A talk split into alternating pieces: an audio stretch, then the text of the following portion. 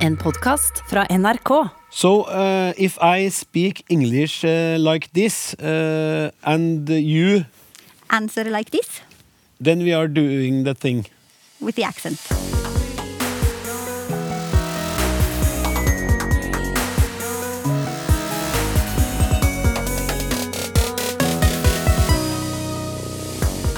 Har du noen gang tenkt at norske politikere som snakker gebrokkent og med aksent, gjør skam på oss når de er ute i verden? Det er du ikke alene om, men å ikle seg en språkbunad kan også være en bevisst og velfungerende strategi. Aksent handler jo om identitet. Du hører på Språksnakk, hvor vi også skal se på hva som skjer med en sangtekst når den oversettes, mens ukas gjest i Ut med språket er manusforfatter Linn Jeanette Kyd, aktuell med seer- og kritikersuksessen Rådebank. Ukas ekspertpanel består av fonolog Cecilie Knutsen, språkforsker Olaf Husby og språkforsker Anjo Greenhold. Hjertelig velkommen. Takk. En av de politikerne som har irritert mange med sin norsk-engelsk, er Erik Solheim. En annen Bent Høie. Men den som kanskje har fått mest kjeft for sin norsk-engelske uttale, er Jens Stoltenberg, som har en veldig markant norsk aksent. La oss høre på starten av takketalen hans da han fikk jobben som generalsekretær i Nato. And I'm grateful uh, to the 28 NATO allies for placing the trust in me. And I also would like to congratulate Anders Fogh Rasmussen uh, on the great job he has done over, done over the last uh, five years. It is indeed an honor uh, to take up the post of Secretary General of NATO, the most successful alliance in history. We face serious challenges, some familiar, some new. Anjo Greenhall, du merka deg at det ble ganske stor oppstandelse over Stoltenbergs eh, engelske uttale etter denne talen? Ja. Ja. ja, det var jo debattert eh, både på nettsted som dinbaby.no og mammanett og overalt, virka det som. Eh, Så det, det var folk følt skam, de var opprørt. Eh, De syntes ikke det her var noe De følte seg ikke godt representert i utlandet Nei. gjennom den aksenten her. Men hva tenker du om folks reaksjon, da? Ja, altså, det er, jo, det er jo For det første er det jo litt urettferdig overfor Stoltenberg, for hvis man hører på denne talen, og også mer eh, spontane intervju han har gjort med folk, så hører man jo det at grammatikken er flott, det retoriske er fantastisk, han, han han fremstår med selvsikkerhet språklig, han er tydelig, han er lett å forstå. Så ja, så, så man kan jo si det at det her er litt urettferdig, da. Ja, Ja. Det er litt urettferdig, men eh, så er det jo samtidig sånn at eh, vi hører jo godt at det er Jens Stoltenberg som snakker, sjøl når han snakker engelsk. Eh, Olaf Husby, har han en typisk norsk-engelsk aksent? Ja, det har han. Og eh, det vil være mulig å identifisere han som nordmann hvis at du legger han ut blant andre som, som snakker engelsk. Og det finnes eh, et amerikansk arkiv som heter The Speech Accent Archive. Så man kan gå dit under kapitlet Norge, så får du høre hvordan nordmenn høres ut. Så kan du gå på kapitlet Sverige og høre hvordan svensker høres ut. Og vi, du, vi hører at det er en underliggende eh, jeg et mønster som identifiserer, identifiserer oss som, som nordmenn. Ja. Cecilie Sleining Knutsen, hvorfor gjorde ikke Stoltenberg seg mer flid med uttalen? Han trengte ikke det. Han ble jo helt fint forstått. Ja. Ble. Så um, aksent er ikke ensbetydende med, med forståelighet. Det har undersøkelser vist. At uh, selv om du er aksenttung, så du, uh, kan du bli lett forstått likevel. Uh, det gjelder selvfølgelig ikke alle. Noen trekk er, er verre, om du vil, enn andre. Men her hadde vi jo ingen problemer med å forstå han Stoltenberg. Olaf, hva er det som gjør at det blir en så markant aksent? Eh, Nesten med en sånn liten touch av nordlending oppi hele, hvis det, jeg hører på det her. Ja, det er jo interessant at han, eh, at han får høye toner der han i sin norsk vil ha litt lavere toner, så det her er noe nordnorsk. Men årsaken til det er jo at gjennom sin oppvekst i Norge så har han tilegna seg en måte å snakke på. Sånn generelt. Og så overfører han de mønstrene til engelsk uten å justere for uttalen av, av eh, de enkelte lydene. Ja. Da, og da høres det tydelig norsk ut. Han prøver litt med intonasjon og få en slags engelsk intonasjon, men Men som østlending så lykkes han nok i mindre grad tror jeg, kanskje en, en nordlending vil gjøre når de snakker engelsk. Ja vel? Ja, jeg tror det er mer til felles med et nordnorsk intonasjonsmønster og engelsk enn et østnorsk intonasjonsmønster og engelsk. Så det er kanskje mer å overføre. For det er det det handler om, er overføring av mønster fra et språk til et annet. Ja. Eh, Cecilie, er det vanskeligere å lære seg uttale av eh, nye språk i voksen alder? Ja, eh, det kan det være. eh, Både av den ene og den andre grunnen. Og I lang tid så har vi snakka om det at det har mye med eh, plastisitet i, hjernen å gjøre. Altså at det er vanskeligere å lære seg nye ting. Sånn rent fysisk. Men nå i seinere tid har vi også begynt å tenke mer på det at du har, mer, du har færre arenaer for å øve på språk når du er voksen, enn du har når du er barn. Du hører mindre av språk det språket du skal lære deg når du er voksen, enn når du er barn. Du blir fortere sanksjonert for å si feil når du er voksen, enn når du er barn. Um, og så videre, og så videre. Det blir altså eh, vanskeligere å øve seg på å bli god. Og hvis Ja. ikke du får øve deg på å bli god, da blir ikke du god. Nei. Så er jo spørsmålet hva vil det si å være god i et språk, da? Det er jo Skolesystemet vårt opp igjennom har jo lært oss det at, og indoktrinert oss, kan man kanskje bruke såpass sterkt ord, at, at det å være god i engelsk, det handler om å høres ut som en amerikaner eller en engelskmann. Ja. Og for det første er jo det uoppnåelig for oss. Nå var jo Stoltenberg han fikk jo sin engelskutdannelse på et tidspunkt hvor vi begynte seint. Bare apropos det Cecilie sa her, vi begynte seint å lære oss engelsk. Og dermed så var hjernen vår litt mer stivna når vi starta, og da ble det vanskeligere for oss å, å få til den her eh, morsmålsnærheten, da. Ja. Eh, når vi snakker engelsk. Eh, men, men eh, og, da, og da, ikke sant, når vi, vi har et sånt krav på oss til at vi skal høres ut som native speakers, så, Ja. og vi ikke får det til, så er det fort gjort at folk oppfatter oss som dumme og litt tungnemme Ja. og litt trege. Hvis vi ikke, hvis vi ikke opp, klarte å oppnå det her. Da. Og det er jo også studier som viser det at uh, lav IQ det er en av de tingene vi assosierer uh, uh, en ikke-morsmålsaksent med. Da, en, en foreign accent. Anjo, I artikkelen du skrev etter Stoltenbergs Nato-tale, så nevner du språkbunad. Ja, på 17. mai eh, så har vi jo på oss en bunad fordi vi vil signalisere hvor vi er fra, eller hvor familien vår er fra.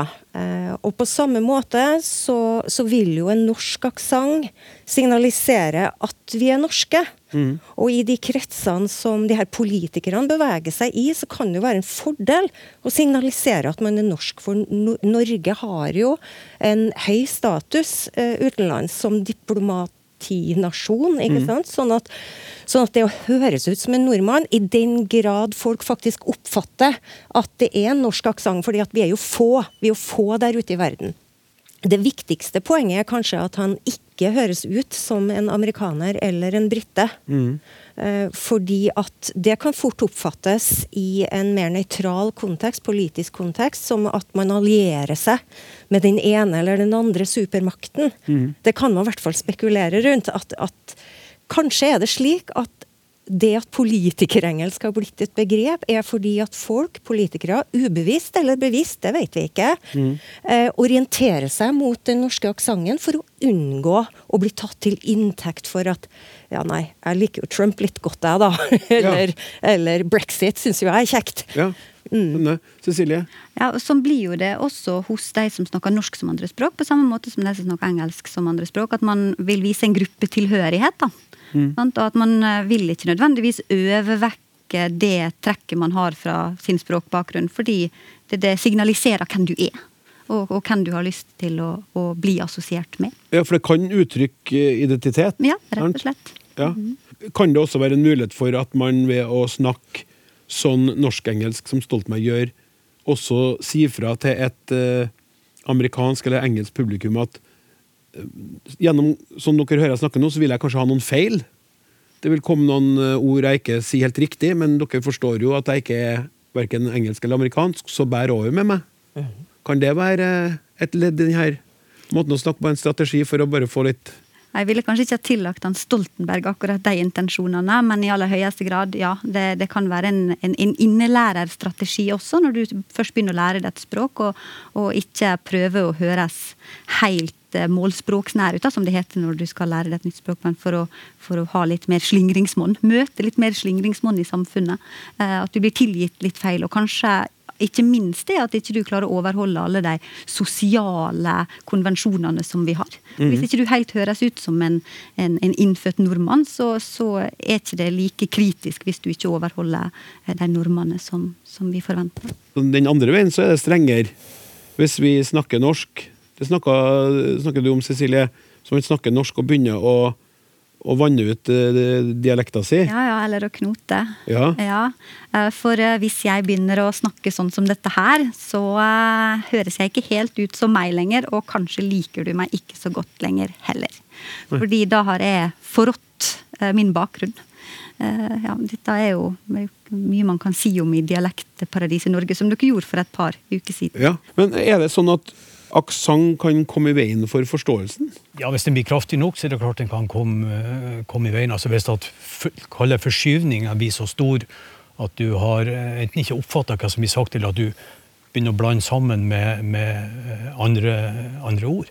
Men eh, av og til så bruker jeg å sitere en amerikansk forsker som sier at det her med aksent og uttale, det sitter like mye i øret på den som lytter, som i munnen på den som snakker. Ja. Sånn at her er noe med, med holdninger til oss som lyttere òg som, som spiller inn. ikke sant? Ja, for der har vi jo da nordmenn som hører på Jens Stoltenberg, og is- og istedenfor å fokusere på at han holder en eh, ifølge Anjo og sikkert mange andre, en, en tydelig tale. Han, eh, han snakker sånn at man forstår det budskapet, og det er mange ting som er på plass. Og jeg blir sånn, nei, men Hvordan er det han uttaler ordene, da? Og da er det jo ikke like lett å få med seg budskapet hans. Nei, det er, jo- og det er jo et interessant spørsmål. Her er jo et slags hierarki. Sant? Du har grammatikk, du har bøyning, du har vokabular, og så har du uttale. Hvorfor velger vi å fokusere på uttalen når vi setter inn eh, kritikken mot han, Stoltenberg? Alle de andre tingene er jo på plass, ikke sant? men åpenbart er det noe som er følsomt her. Om, om vi er spesielle i Norge og føler at det her er, skammelig eller minnepent, jeg vet ikke. Men vi hører jo altså, Spiller du den forrige generalsekretæren i Nato, så hører du jo øyeblikkelig han på dansk. Jeg vet ikke om danskene reagerte på, at, på hans uh, måte å snakke engelsk på. Nei. Og det har jo vært gener generalsekretærer fra, fra, fra hele Europa, så de har jo sin, sin aksent. Jeg tror poenget er uh, jeg tror også det er underliggende politiske her. altså Ved å verken snakke amerikansk eller engelsk, så signaliserer han en slags eh, plass i midten. Er ingen, men samtidig alle sin mann i organisasjonen. For å plukke opp igjen tråden med det du sa om at det er uttalen vi stopper eh, ved først, så er jo det på en måte det første hinderet ofte for mange. Og, og det viser seg igjen og igjen i flere undersøkelser at, at det er det man henger seg opp i når man skal, når man skal vurdere andre sin språk eh, språkferdigheter. Mm. at Selv om det fins grammatikkfeil i, i så er det ofte likevel at man sier at nei, det var rar, rar uttale, eller jeg ble forstyrra av uttalen, og, og jeg, ja. Ja, men det der er jo veldig interessant. Det har vært, eh, vært innom i dette programmets korte historie også, at noen dialekter foretrekkes fremfor andre. Og det må jo være pga. lyden av det mennesket som snakker, for de snakker jo sin dialekt perfekt, det er ikke noe feil, ikke noe knoting eller noe. Og så er det sånn, nei, den dialekten liker ikke jeg. Men da kommer vi rett inn på holdning igjen. vet Ja, du. Ja, det, Ja. det, er ikke, det er ikke forståeligheten. Det går ikke på forståeligheten i det hele tatt. Nei. Um, gjør ikke det. det går bare på hva slags assosiasjoner du har til, til den som snakker, eller mer hva den som snakker, representerer. Um, ja. Sånn som de snakka om for et par uker siden, at du assosierer hva det var hun, hun Britt Mellom sa vel, han Raimond for Mm. Østfold-dialekten. ja. Og sånn blir det jo selvfølgelig også med de som snakker norsk som andrespråk. At man kan tillegge de assosiasjoner fra Ja. sin språkgruppe. Ja, nå. Altså, uttale trigger jo en hel masse fordommer, oppfatninger, kunnskap vi har om ikke bare hvor folk er fra, men også sosialt. Altså hvor man befinner seg på en sosial rangstige. Da. Og det her vil jo trigge da, forskjellige ting hos forskjellige personer. Alt dette hvilke eh, oppfatninger de har vokst opp med og danna seg gjennom et langt liv med sine erfaringer med mennesker som snakker sånn og slik, og det de har hørt at andre har av oppfatninger om dem som snakker sånn og slik. Ja. Men Da kan vi gå tilbake igjen til det Olaf sa om i øret og i Ja, munnen. altså, jeg gjorde en undersøkelse om det her for noen år siden i, i Sandnessjøen, der jeg kom ifra.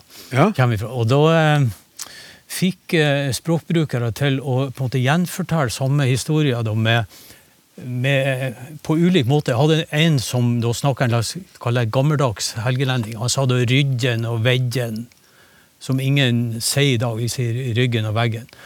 Og så hadde på, på den andre sida en eh, som eh, Han snakket da tilnærmet bokmål, men han var da like fullt fra Sandnessjøen.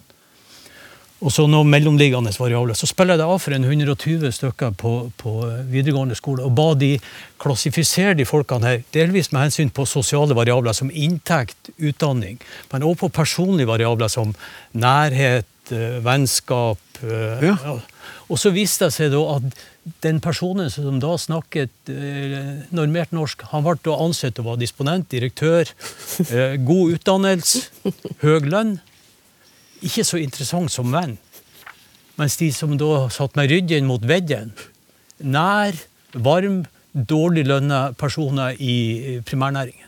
Ja. Så, sånn, øh, så jeg kunne på en måte veie av da, de her, det var flere variabler. Veie av hvor du Hvor skal du legge den for på en måte å ha høy inntekt og være ansett som en samfunnsmessig potent, samtidig som du er nær og varm? ja. Så, og, og det her, selvfølgelig Han som da satt med ryggen mot veggen, han hadde høy utdannelse og, og var godt lønna. Mens den som eh, snakket bokmål, han hadde vært til sjøs ja. og hadde ingen spesiell funksjon i Sånn at, at det korrelerte ikke med virkeligheten. Men de var i stand til å, å, å, å lage oppfatninger av seg kun ved hjelp av språket. Og der kommer jo det, da, da kommer vi jo tilbake og slutter sirkelen med den her eh, gebrokne aksenttalen til Jens Stoltenberg. Da, hvis man ikke vet Ja. hvem man er, og hvis noen snakker om noe helt vanlig. Men da Hva hadde vi tenkt da, Cecilie? Nei, men altså det jeg tenker nå, da, for det vil jeg gjerne hente inn igjen litt det du sier, da, for det er det som det, Da måles man opp mot et ideal. Ikke sant? Og alt som ikke er ideal, om det er engelsk, eller om det er norsk, eller om det er dialekten, eller hva det skal være, så eh, blir man vurdert opp mot det. Og alt som fraviker fra det, er da ikke bra nok, eller aksent. Tusen takk. Fra aksent skal vi senere i sendinga over til sang, og se på hva som skjer når en sangtekst oversettes. Men her og nå skal vi vise medfølelse. Språksnakk i appen NRK Radio. I forrige episode så spurte jeg hva du sier når en du kjenner har mista noen, hvis kondolerer eller signe minne ikke føles rett for deg. Det kom inn veldig mange e-poster om det her til snakk.krøllalfa.nrk.no. Det er skikkelig stas at dere som hører på, er så engasjert og interessert. Hei! Kondolerer er et uttrykk som aldri har føltes riktig for meg. For meg høres det nesten litt kaldt og distansert ut. Jeg pleier i stedet å si eller skrive noe litt mer personlig, for eksempel Det var vondt å høre. Jeg føler med deg i sorgen. Og hvis jeg kjente vedkommende, så kanskje et par ord om hvordan jeg husker vedkommende, for eksempel Jeg hadde gleden av å møte henne en gang hjemme hos deg. Hun var en flott dame, veldig hyggelig, eller noe annet jeg kan stå inne for. Vennlig hilsen Karianne. Hei! Jeg har alltid hatt store problemer med K-ordet. Jeg begynte rett og slett å si 'jeg føler med deg', eller på ranværing 'jeg føler med deg'. Dette kjennes ikke så stivt ut som kondolerer, signe minne eller min dypeste medfølelse. Jeg føler responsen er veldig bra, og at man får en bedre kontakt med den som har mistet noen, samt at det å starte en samtale med vedkommende faller mer naturlig. Jeg håper dette kan være til nytte. Vennlig hilsen språksnakklytter Markus André Granli. Hei! Jeg sier eller skriver medkjensle når noen har mista en av sine nære og kjære. Med vennlig hilsing Arnhild Melve, Førde. Tenker på deg, skråstrek dere, foreslår helsesykepleier Ma Iris Hårstad. Synes ellers at kondolerer er greit, så vet du hva du skal si når du møter noen som har sorg, og kan ta det videre fra der. Jeg hørte podkasten der dere ba om alternativer til kondolerer eller signe minne. Jeg mener at signe minne kan bli litt feil, med mindre både avsender og mottaker er kristne. Kondolerer betyr vel egentlig med smerte eller noe slikt, og jeg har selv oversatt det til jeg føler med deg. Jeg synes det sier noe mer personlig. Jeg kan også si jeg føler med deg i sorgen, hvis det er en jeg kjenner godt. Hilsen Berit Danielsen. Det er fine innspill, og flere følger. Overraskende mange av dere viste det søte bror når dere skulle foreslå et alternativ til kondolerer og signe minne. Hei, Språksnakk! Hørte podkasten der dere spør om alternativer til kondolerer. Da faren min døde, var det en svensk kollega som sa jeg er lessen for sorgen. Jeg likte denne svenske vrien. Flott program. Hilsen Frode. Hei, skrev Anna. Jeg hører på programmet i dag.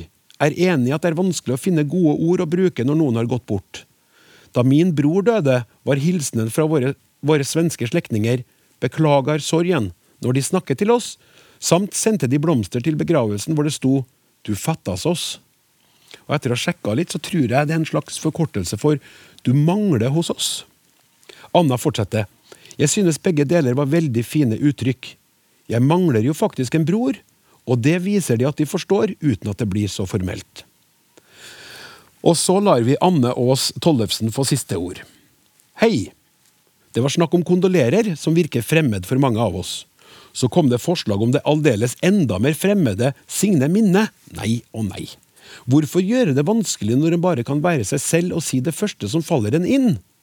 Så leit å høre. Det gjorde vondt å få vite dette. Selv om det var ventet, er det alltid vondt når det skjer. Skulle ønske jeg hadde de rette ordene å bruke her, men når ord skal skrives på kort i forbindelse med blomster og lignende, blir det vanskeligere. Det er da en automatisk begynner å tenke, en vil jo gjerne formulere seg godt, men det enkleste er jo bare å google. Hvorfor gjøre det vanskelig når det i våre dager kan gjøres lett? skriver altså Anne Aas Tollefsen, som sendte oss en ny e-post med en rekke forslag på medførende formuleringer som hun fant etter å ha vært på nettet.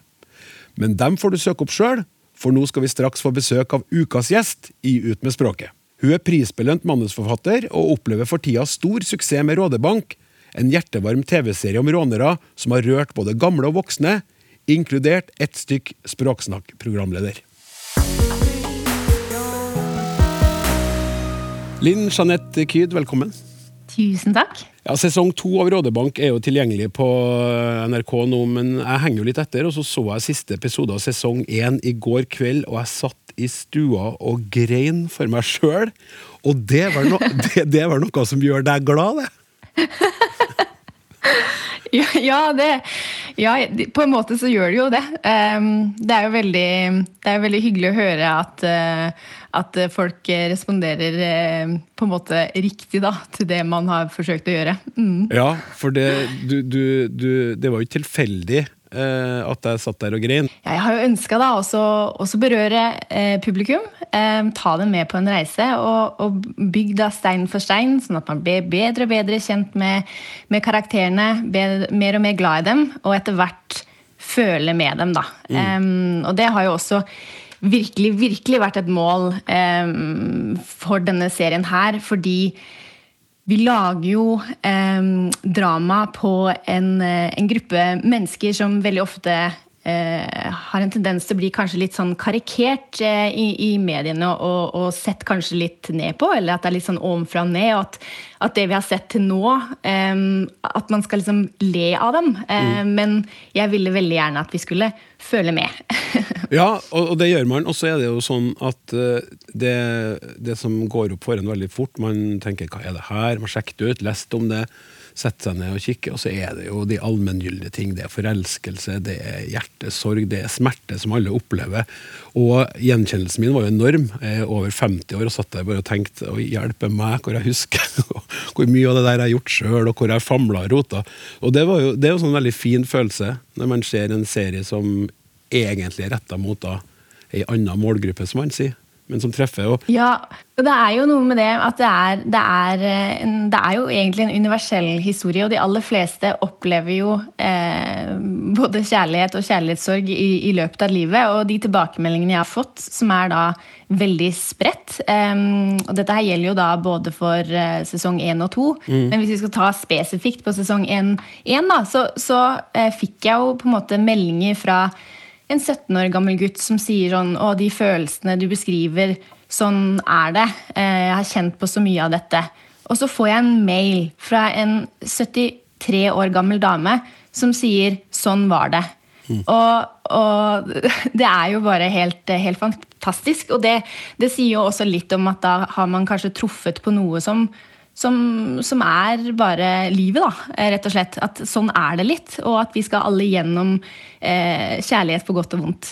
Ja, eh, herlig. Eh, Jeg leste jo eh, et sted at eh, rådebank er en kraftig bankelyd som oppstår i motoren pga. manglende smøring. Lyden gir gåsehud og vondt i sjela. og Det kan jo på et vis overføres til hjertebank, og som serien også kunne på et vis ha hett. Den kunne absolutt ha hett eh, Hjertebank, og hadde det ikke vært lagt i et eh, rånemiljø, så kan det fort hende at det var det som hadde vært, eh, vært tittelen, da. Ja, men, men rånemiljøet er det òg. en film om bil brakte til rådebank. 'Burning'. Ja. Hva er det med meg og bil, hæ?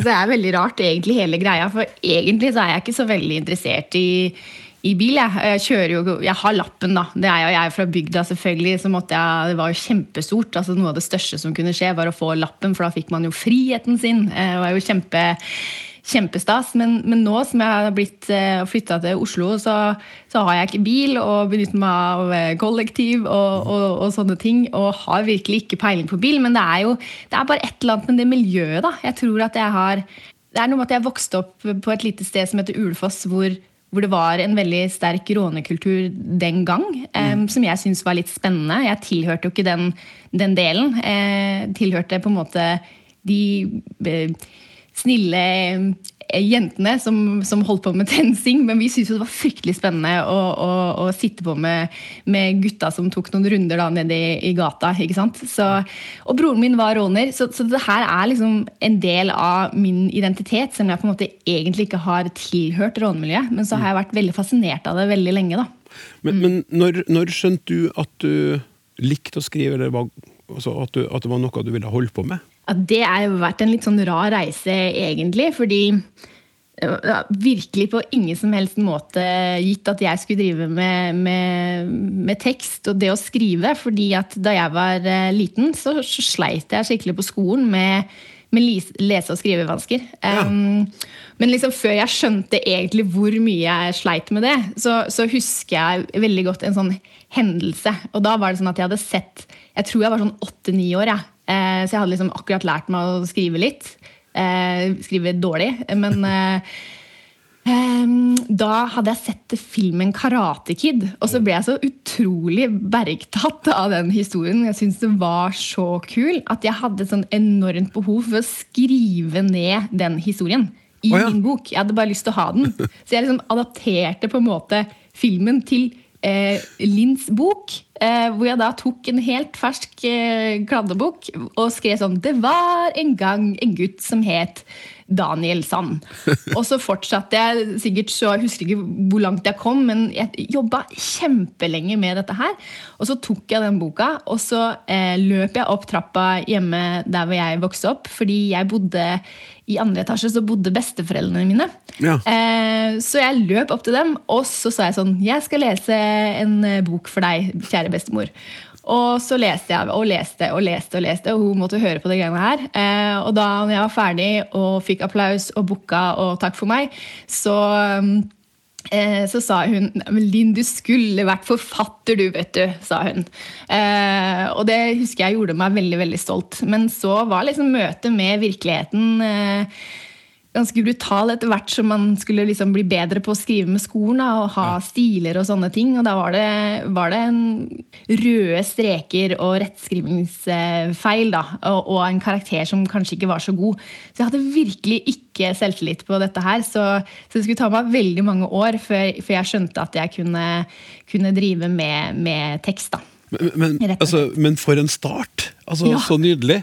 Jeg så mange, altså, så, jeg så jo nettopp den filmen Karate Kid, den originale, sammen med sønnen min og stesønnen min, og de snakka jo om å være med i filmen. Og være karakterene, og være karategutta.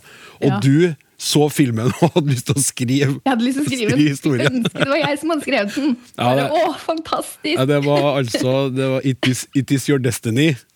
Ja. Ja. Wax on, wax off. Wax on, Yes. wax off. Tilbake da til, til Rådebank, eh, som, som nå har Som er ute med to sesonger, og dere skal jo skrive, eller du skal skrive en tredje sesong.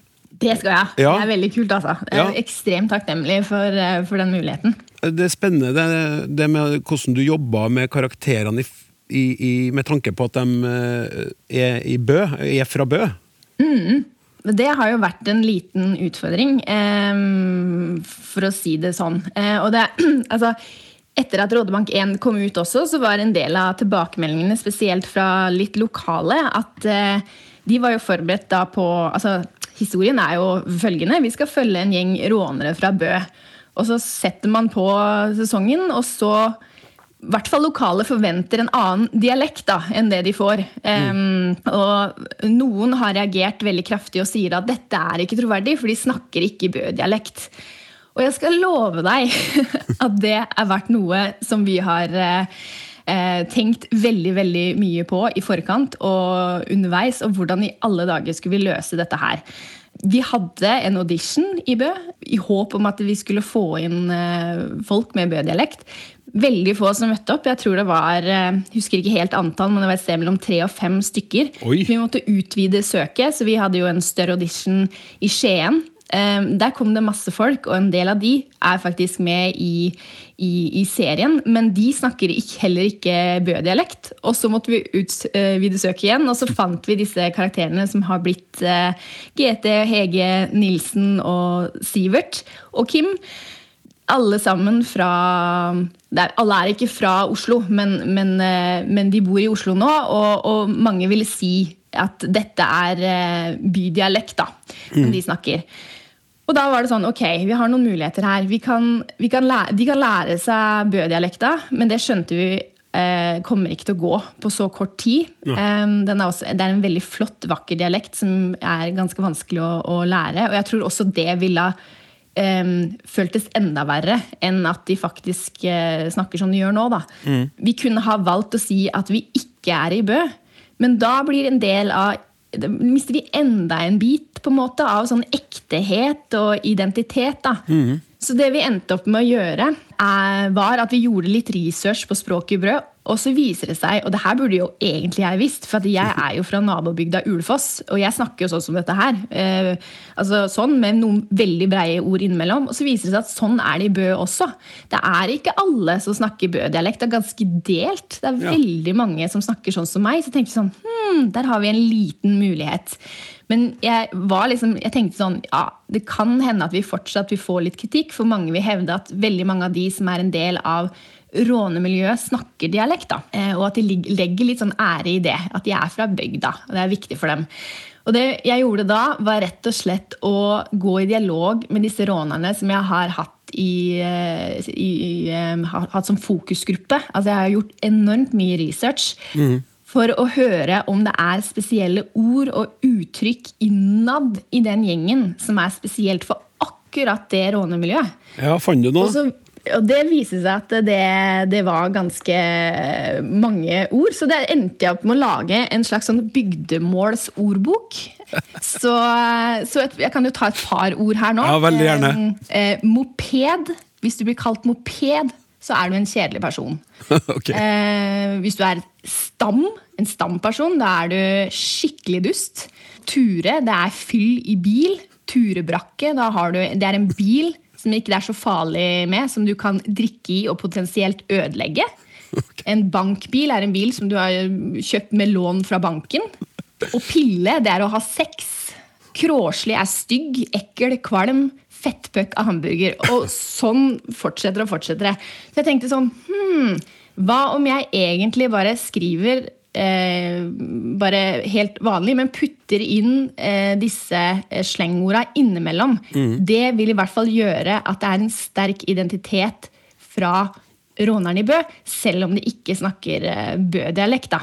Så det, da gjorde jeg noe som jeg ikke har gjort før, og det er rett og slett å putte litt dialekt inn i manuset. For vanligvis så skriver jeg aldri dialekt. Jeg skriver bare plain. Eh, bokmål. Ferdig snakka.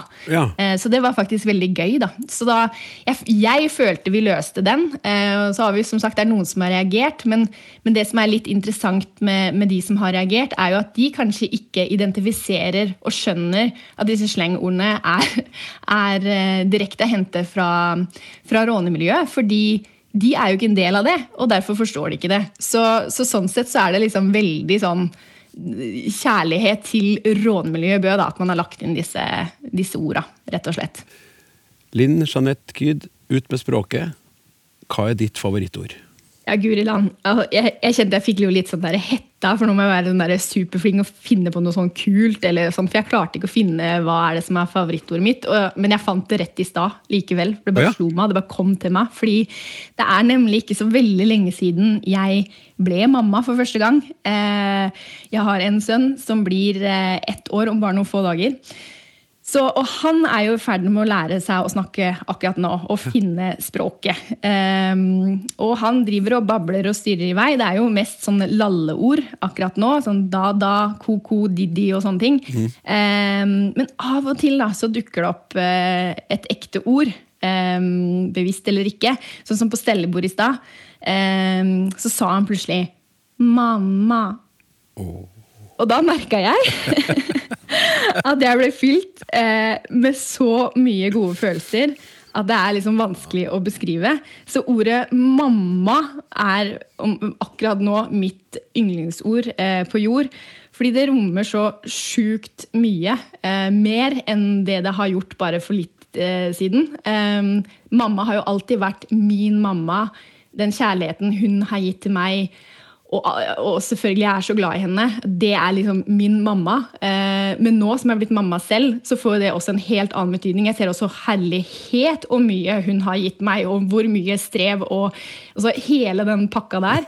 I tillegg til at jeg har fått en ny identitet, og jeg skal være mammaen til Sverre eh, for resten av livet. Så, så, så jeg bare tenkte så selvfølgelig er det mitt favorittord. Når han lå der og bare 'mamma' i stad. Fantastisk. Eh, Tusen hjertelig takk skal du ha. Og lykke til med skrivinga, og lykke til med å være mamma for Sverre. Ja, tusen takk. Veldig hyggelig for å være med. Språksnakk i appen NRK Radio. Fra film- og TV-seriemanus skal vi nå bevege oss over til sangtekster. Artisten Tix traff manges hjerter med låta Ut av mørket, som var direktekvalifisert i årets Melodi Grand Prix. Men da han stilte på scenen i finalen, var tittelen Fallen Angel, og både sang og melodi hørtes plutselig en smule annerledes ut. Ja, Tix, som egentlig heter Andreas Haukeland, han vant den norske MGP-finalen med låta som i utgangspunktet het Ut av mørket, og var skrevet av en sjøl på norsk. La oss høre litt på den. Hva kan jeg si for å få hun til å bli? Når jeg vet jeg er så langt så perfekt som hun var. Ja, eh, den kjenner vi godt. eh, Jeg får lyst til å synge med. Men versjonen han halte i land seieren med, og skal synge i den internasjonale finalen, den er på engelsk og heter Fallen Angel. Og når jeg hører den engelske versjonen, så syns jeg det høres litt ut som en annen sang. Hør her. What can I say? I can't make her stay. When I know that she's so far above, how could she ever love someone? Språkviter Anjo Greenhold, du forsker på oversettelse og har nylig vært med på å gi ut eh, boka Song Translation Lyrics in Context. Hva er det som har skjedd med låta til Tix når den har blitt oversatt? Nei, For det første så har den jo bytta språk, da. Fra, fra norsk til engelsk. Um, og så når jeg leser eh, de to tekstene, den norske og den engelske versjonen, så, så ser vi jo at det er ganske likt. Det er en Ja. oversettelse, det er liksom ikke en nyskrevet tekst. Eh, Det handler fremdeles om en fyr som ikke syns han er god nok for dama si, og han er på en måte på bakken, og hun er der oppe, mm. på et høyere sted. Så, så det er jo i høy, høy grad en oversettelse, og en, en god oversettelse, vil jeg si. Ja. Skrevet på god, godt engelsk. Men likevel så høres det jo annerledes ut. Det høres Føles annerledes. ut. Det føles annerledes. Um, og litt av grunnen til det, det, det, det handler jo annet om at når vi synger på vårt eget språk, så, så oppleves vi som mer autentiske. Vi oppleves som, eh, som at vi synger på en måte mer fra den vi er, fra, fra hjertet vårt. Sånn at med en gang vi hører en artist synge på et språk som ikke er sitt eget, så blir det liksom litt mer fremmed for oss. Eh, så hvis vi, hvis vi ser litt på akkurat hva han synger for noen ting, om f.eks. i første linja, da, så synger han Hva skal jeg si for å få hun til å bli? sier han i den norske teksten. Og der hører i hvert fall jeg, som ikke kommer fra Oslo, noe veldig påfallende, som er veldig sånn typisk Tix, for han er jo Bærumsgutt, han er Oslo-gutt, så han sier 'hva skal jeg si for å få hun til å bli', istedenfor det standard norske 'henne'. som jeg er vant til å høre. Ikke sant? Sånn at det her er en sånn, et sosiolekttrekk som Tix bruker da, for å bli enda mer autentisk i sin fremførelse. Her får vi liksom Det her er hjertet til Tix på en tallerken altså, som vi får servert. Men det, det blir jo bort på engelsk. Det forsvinner på engelsk. For da, på engelsk så er det 'What can I say to make her stay'? Make her stay. Så det er jo ren standard engelsk. Ja. Det er jo det vi forventer å høre. Um, så det blir på en måte litt flatere, kan du si. Og, og det er ikke like mye tics lenger i det. Og så En annen ting som er forskjellig da, mellom de to linjene, det er jo det rytmiske. Og det her er jo veldig typisk for sangoversettelse. Når vi oversetter sanger, så, så er det jo gjerne slik at vi må skrive en ny tekst oppå en gammel melodi, og da må vi jo få det til å stemme rytmisk. Eller så kan vi endre melodien litt, rytmen. Og egentlig så har jo Tix gjort begge deler her, da. Sånn at første linja f.eks. på norsk er what can I, Nei, hva kan jeg si? Hva kan jeg si? Det er fire stavelser. What can I say? Det er også fire stavelser. Den første linja, det er greit Ja. engelsk og norsk er jo så like språk at vi, at vi får jo ofte til det. Men så har vi da andre linja. For å få hun til å bli. Det er vel sju stavelser eller noe sånt. Og så I can't make her stay er fem stavelser. Ja. Så her må man gjøre noen ting. Ja. Og det har da Tix gjort. Eh, med å endre litt det rytmiske i fremførelsen, sånn at på norsk så synger han 'For å få hun til å bli'. Og så synger han på engelsk I can't make her stay. ja. Så det er både en rytmisk og en melodisk tilpasning av den linja for å få den til å, å, å, å på en måte passe inn. Så det stemmer jo at man det føles og høres litt annerledes ut. At Det- låta det har rett og slett endra seg. Stemmer absolutt. Det er en veldig god observasjon. Det er, og, og for mitt eget vedkommende må jeg si at jeg likte jo veldig godt den der 'For å få hun til å bli'. Det var noe trist over den linja. Ja, jeg altså, jeg er så enig. Og jeg, og jeg er da en av dem som likte den låta. Uh, jeg er liker, liker, not a hater, akkurat her. Um, og jeg syns at den, den sangen da mister noe i overgangen til engelsk. eh, Og hvorfor får jeg den Hva er det som skjer? Hvorfor får jeg den følelsen? Altså, nå du, du skal ikke være psykolog for meg her, men som, som, fra et språkforskerståsted, da. Eh, ja, altså, altså det er jo det som jeg sa i sted, da, egentlig. At, at vi mister på en måte tics oppi det hele. Vi mister noe av melodien. Eh, men, men også så kan det jo ha noe rett og slett med forventningsbrudd å gjøre. Altså vi forventer at låta skal være likedan, og så ble den ikke det. Eh, og så handler det jo om hva norsk, norsken konnoterer for oss, kontra engelsken. Eh, kanskje konnoterer norsken for deg noe mer rotfesta og ekte, mens engelsken kanskje konnoterer noe glatt og noe kommersielt og noe mer overfladisk. Språk konnoterer jo. Hva, hva, hva betyr Konnotere betyr at vi assosierer ting Ja. med språk. ikke sant? Og det her er, er da også grunnen til at vi kan høre på et utenlandsk språk som vi ikke skjønner bæret av. ikke sant? Når det gjelder det semantiske og innholdet. Men likevel så konnoterer det språket noe for oss. Vi, vi assosierer noe med det som fransk. Romantisk, vakkert. Ja. Eller, eller uh, tysk. Ja, sånn, som, så, så som nå med sånn k-pop. Sånn pop fra Korea. Yes. Du skjønner eh, virkelig ikke bæra, men det er fengende musikk, og man danser med og synger i vei, og aner ikke hva man synger. Nei. Men nå må vi komme tilbake til nå må vi komme tilbake på hovedsporet her. Eh, Olaf eh, Husby, hva, hva tenker du eh, når du hører den norske og så den engelske varianten av eh, MGP-låta til Tix? Ja, Stikkordet her tror jeg for min del er nok uh, autentisk, altså. Så, og Anjo brukte i stad. For at når jeg, når jeg hører på den engelske versjonen, så jeg har jo hørt mye musikk gjennom mitt liv. ikke sant? Og, og engelsken blir nesten som en slags instrument, eller som en del av den store musikkpakken. Det er ikke bestandig, eller kanskje sjelden, jeg plukker opp tekstene. Først når jeg blir interessert i, i, i folk som, som kanskje sier noe mer enn en, en de enkle, banale tingene, så hører jeg hva det handler om. Men, men eh, derfor så hører jeg den norske teksten. Men den engelske eh, kanskje var mer opptatt av det visuelle på scenen når han framførte den med en hvit engel og svarte engler. Ja, så, så, så du opplever at den engelske teksten blir mer distansert for deg? Ja, jeg får, ikke, jeg får ikke sånn tak på den. Jeg må på en måte anstrenge meg mye mer for å finne ut Kanskje hvis jeg hadde et sånt spørsmål Synger han det samme på engelsk som på norsk? Så Mm. jeg kanskje følt med meg. Jeg, jeg gjorde ikke det. Så det ble en, en, en, det ble en sang. Sånn blant mange Grand Prix-sanger. Ja. Eh, Anjo, hvordan skiller da engelsk seg fra norsk som språk å synge på? Der er det jo det er jo mange myter ute og går når det gjelder hvilke språk som er gode å synge på. Engelsk har jo ord på seg for å være veldig godt å synge på. Um, og det kan ha å gjøre med Det kan være en ren myte, men det kan også ha å gjøre med noe som ikke egentlig er bekrefta i forskning. Men det blir altså da sagt at diftonger, altså ei, ai, øy, au Ja. det her er- er enklere å på en måte kamuflere falsk eh, falsk synging på ja. ved hjelp av. Eh, og at eh, Og så har engelsk mange diftonger. Engelsk har åtte diftonger i regelmessig bruk, mens norsk da har bare en sånn tre-fire diftonger som vi bruker ofte. Oh. Ja. Så, så det er stor forskjell på norsk og, og engelsk der. Ja. Ja, så så det kan ha noe med det å gjøre. Men jeg tror at hovedsakelig så handler det om at i hvert fall innenfor sjangeren pop, da, så er jo engelsk det språket man synger på. Man føler seg komfortabel fordi det hører hjemme i sjangeren. Ja.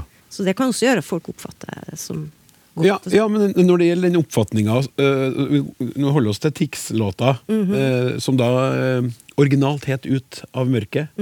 så, eh, så forandrer den karakter fra norsk til engelsk, og i kommentarfeltene så har jo fansen hans sagt at de helst vil at den skal synge på norsk, fordi at de syns det er mer sexy. Ja, mange, ja.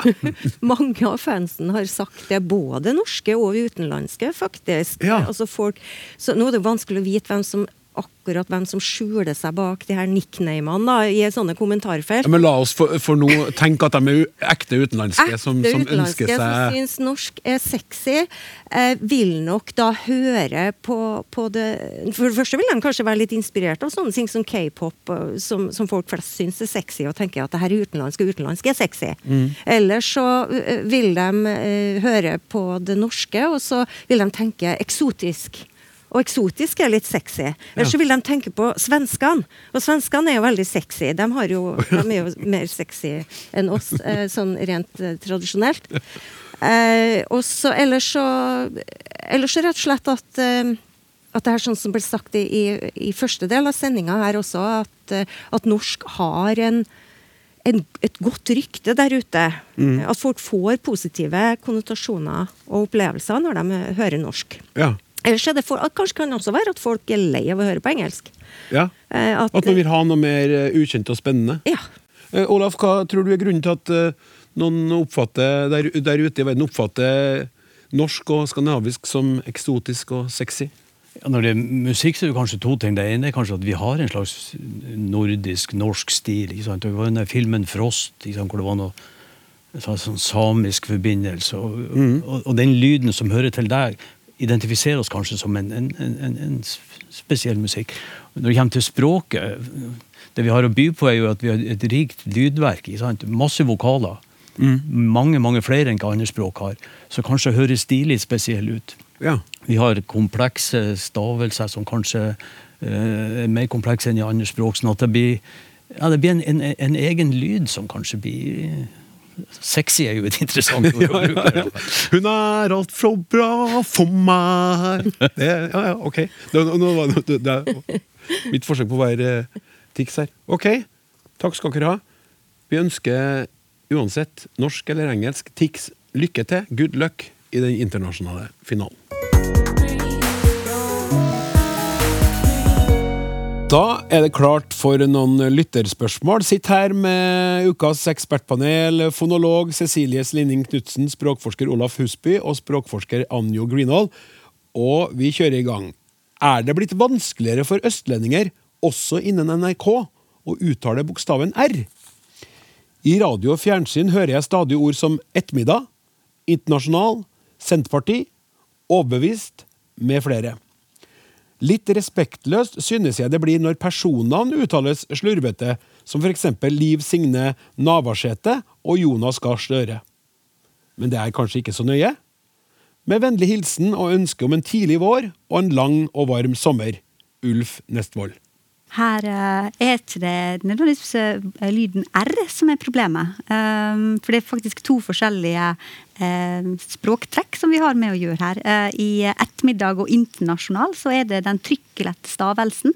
I internasjonal og og senterparti som har eh, rett og slett blitt nøytralisert i, i, eh, i normaltale. Dette gjør vi eh, hele tida når vi snakker, nesten alle sammen. Um, så det, hvis du hører godt etter når du snakker sjøl også, så merker du kanskje at du tar vekk noen av disse her trykklette stavelsene, du òg. Ja. Um, den andre du sier, som Liv Signe Navarsete og Jonas Gahr Støre, det er det også noe som skjer når vi snakker litt fort. Um, og det er det samme lyden som du har i Lars. Det er altså R og S sammen. Lars, men Lars er jo Lars. Lars er Lars. Og Navarsete er Navarsete. Ah, så du mener at hvis man f.eks. sier Navarsete, så sier man kanskje også Lars? Ja, det kan man finne på å gjøre. Ja. Så det er R og S. Når de eh, opptrer sammen, så vil det i mange dialekter eh, bli til en sh-lyd. ja. Vil det bli.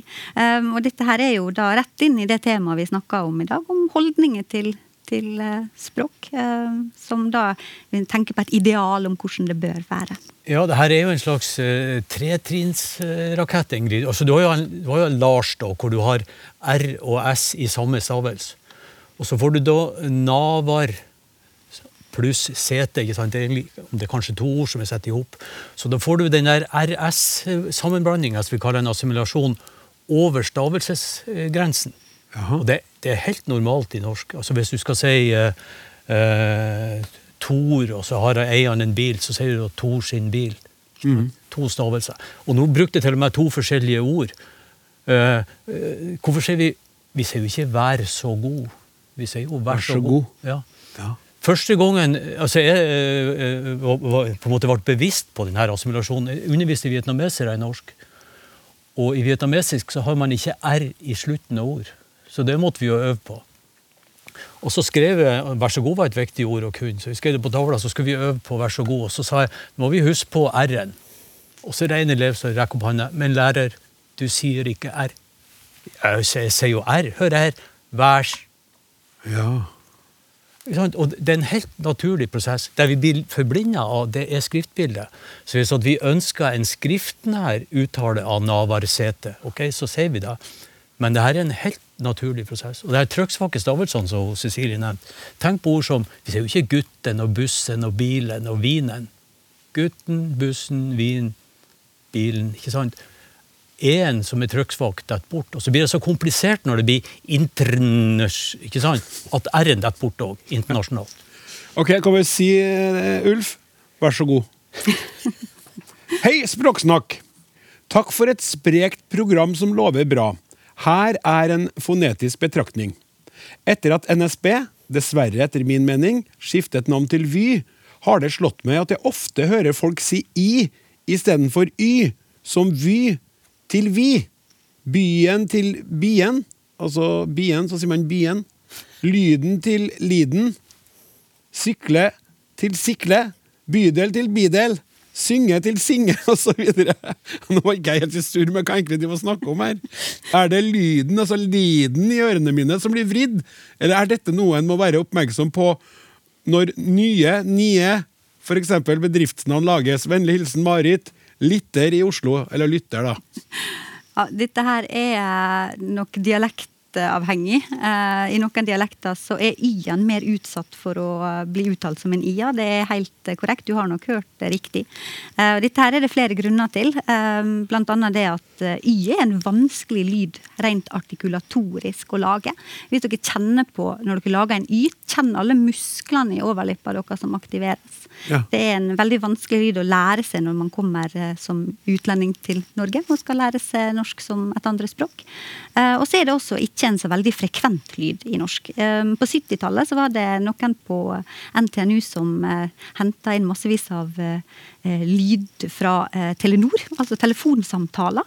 Og rett og slett laga statistikk over hvor mange ganger man uttalte vokalen A og E og I og sånn. Og da har jeg tatt med meg noen tall her. Og da Ja, det liker vi. kan for eksempel si at eh, A lyden vår, nei, unnskyld, E-lyden vår, den var da i 13,2 eh, altså forekomst i lydmaterialet, mens Y var i 0,5% så den er altså en ikke så veldig frekvent lyd. Nå er det fra 70-tallet, så jeg kan ikke gå god for at resultatene er gyldig. Har du ingen ny forskning? Ingen ny forskning å gi det, nei. Nei. Enda. Men uansett, tusen takk. Og så skal vi til Dag Eirik Eikeland fra Stord, som er opptatt av forskjellen mellom lang og kort A. Gode språksnakk.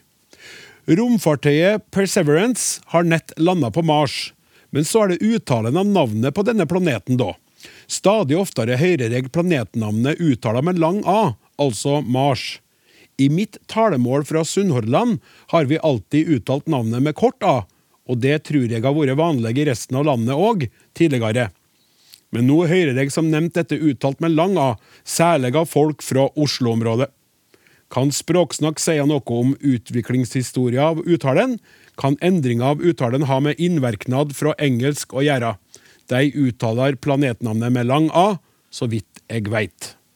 Jeg tror svaret er gitt. Altså, jeg tror det er innflytelse fra engelsk. Jeg var sjekka eh, engelske ordbøker hvor uttalen er angitt, og der er det angitt med lang A.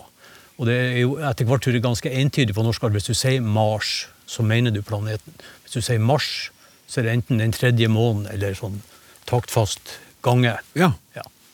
Så eh, jeg vet ikke Anja om det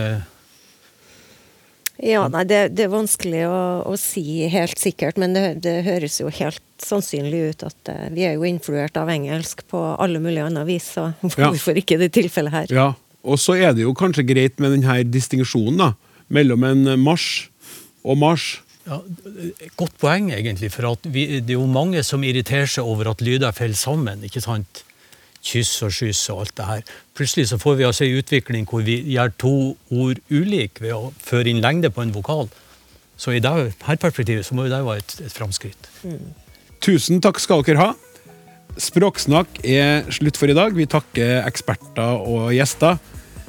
Tekniker Martin Våge, produsent Hilde Håbjørg, programleder Klaus Sonstad takker for seg. Vi snakkes! Du har hørt en podkast fra NRK. Hør flere podkaster og din NRK-kanal i appen NRK Radio.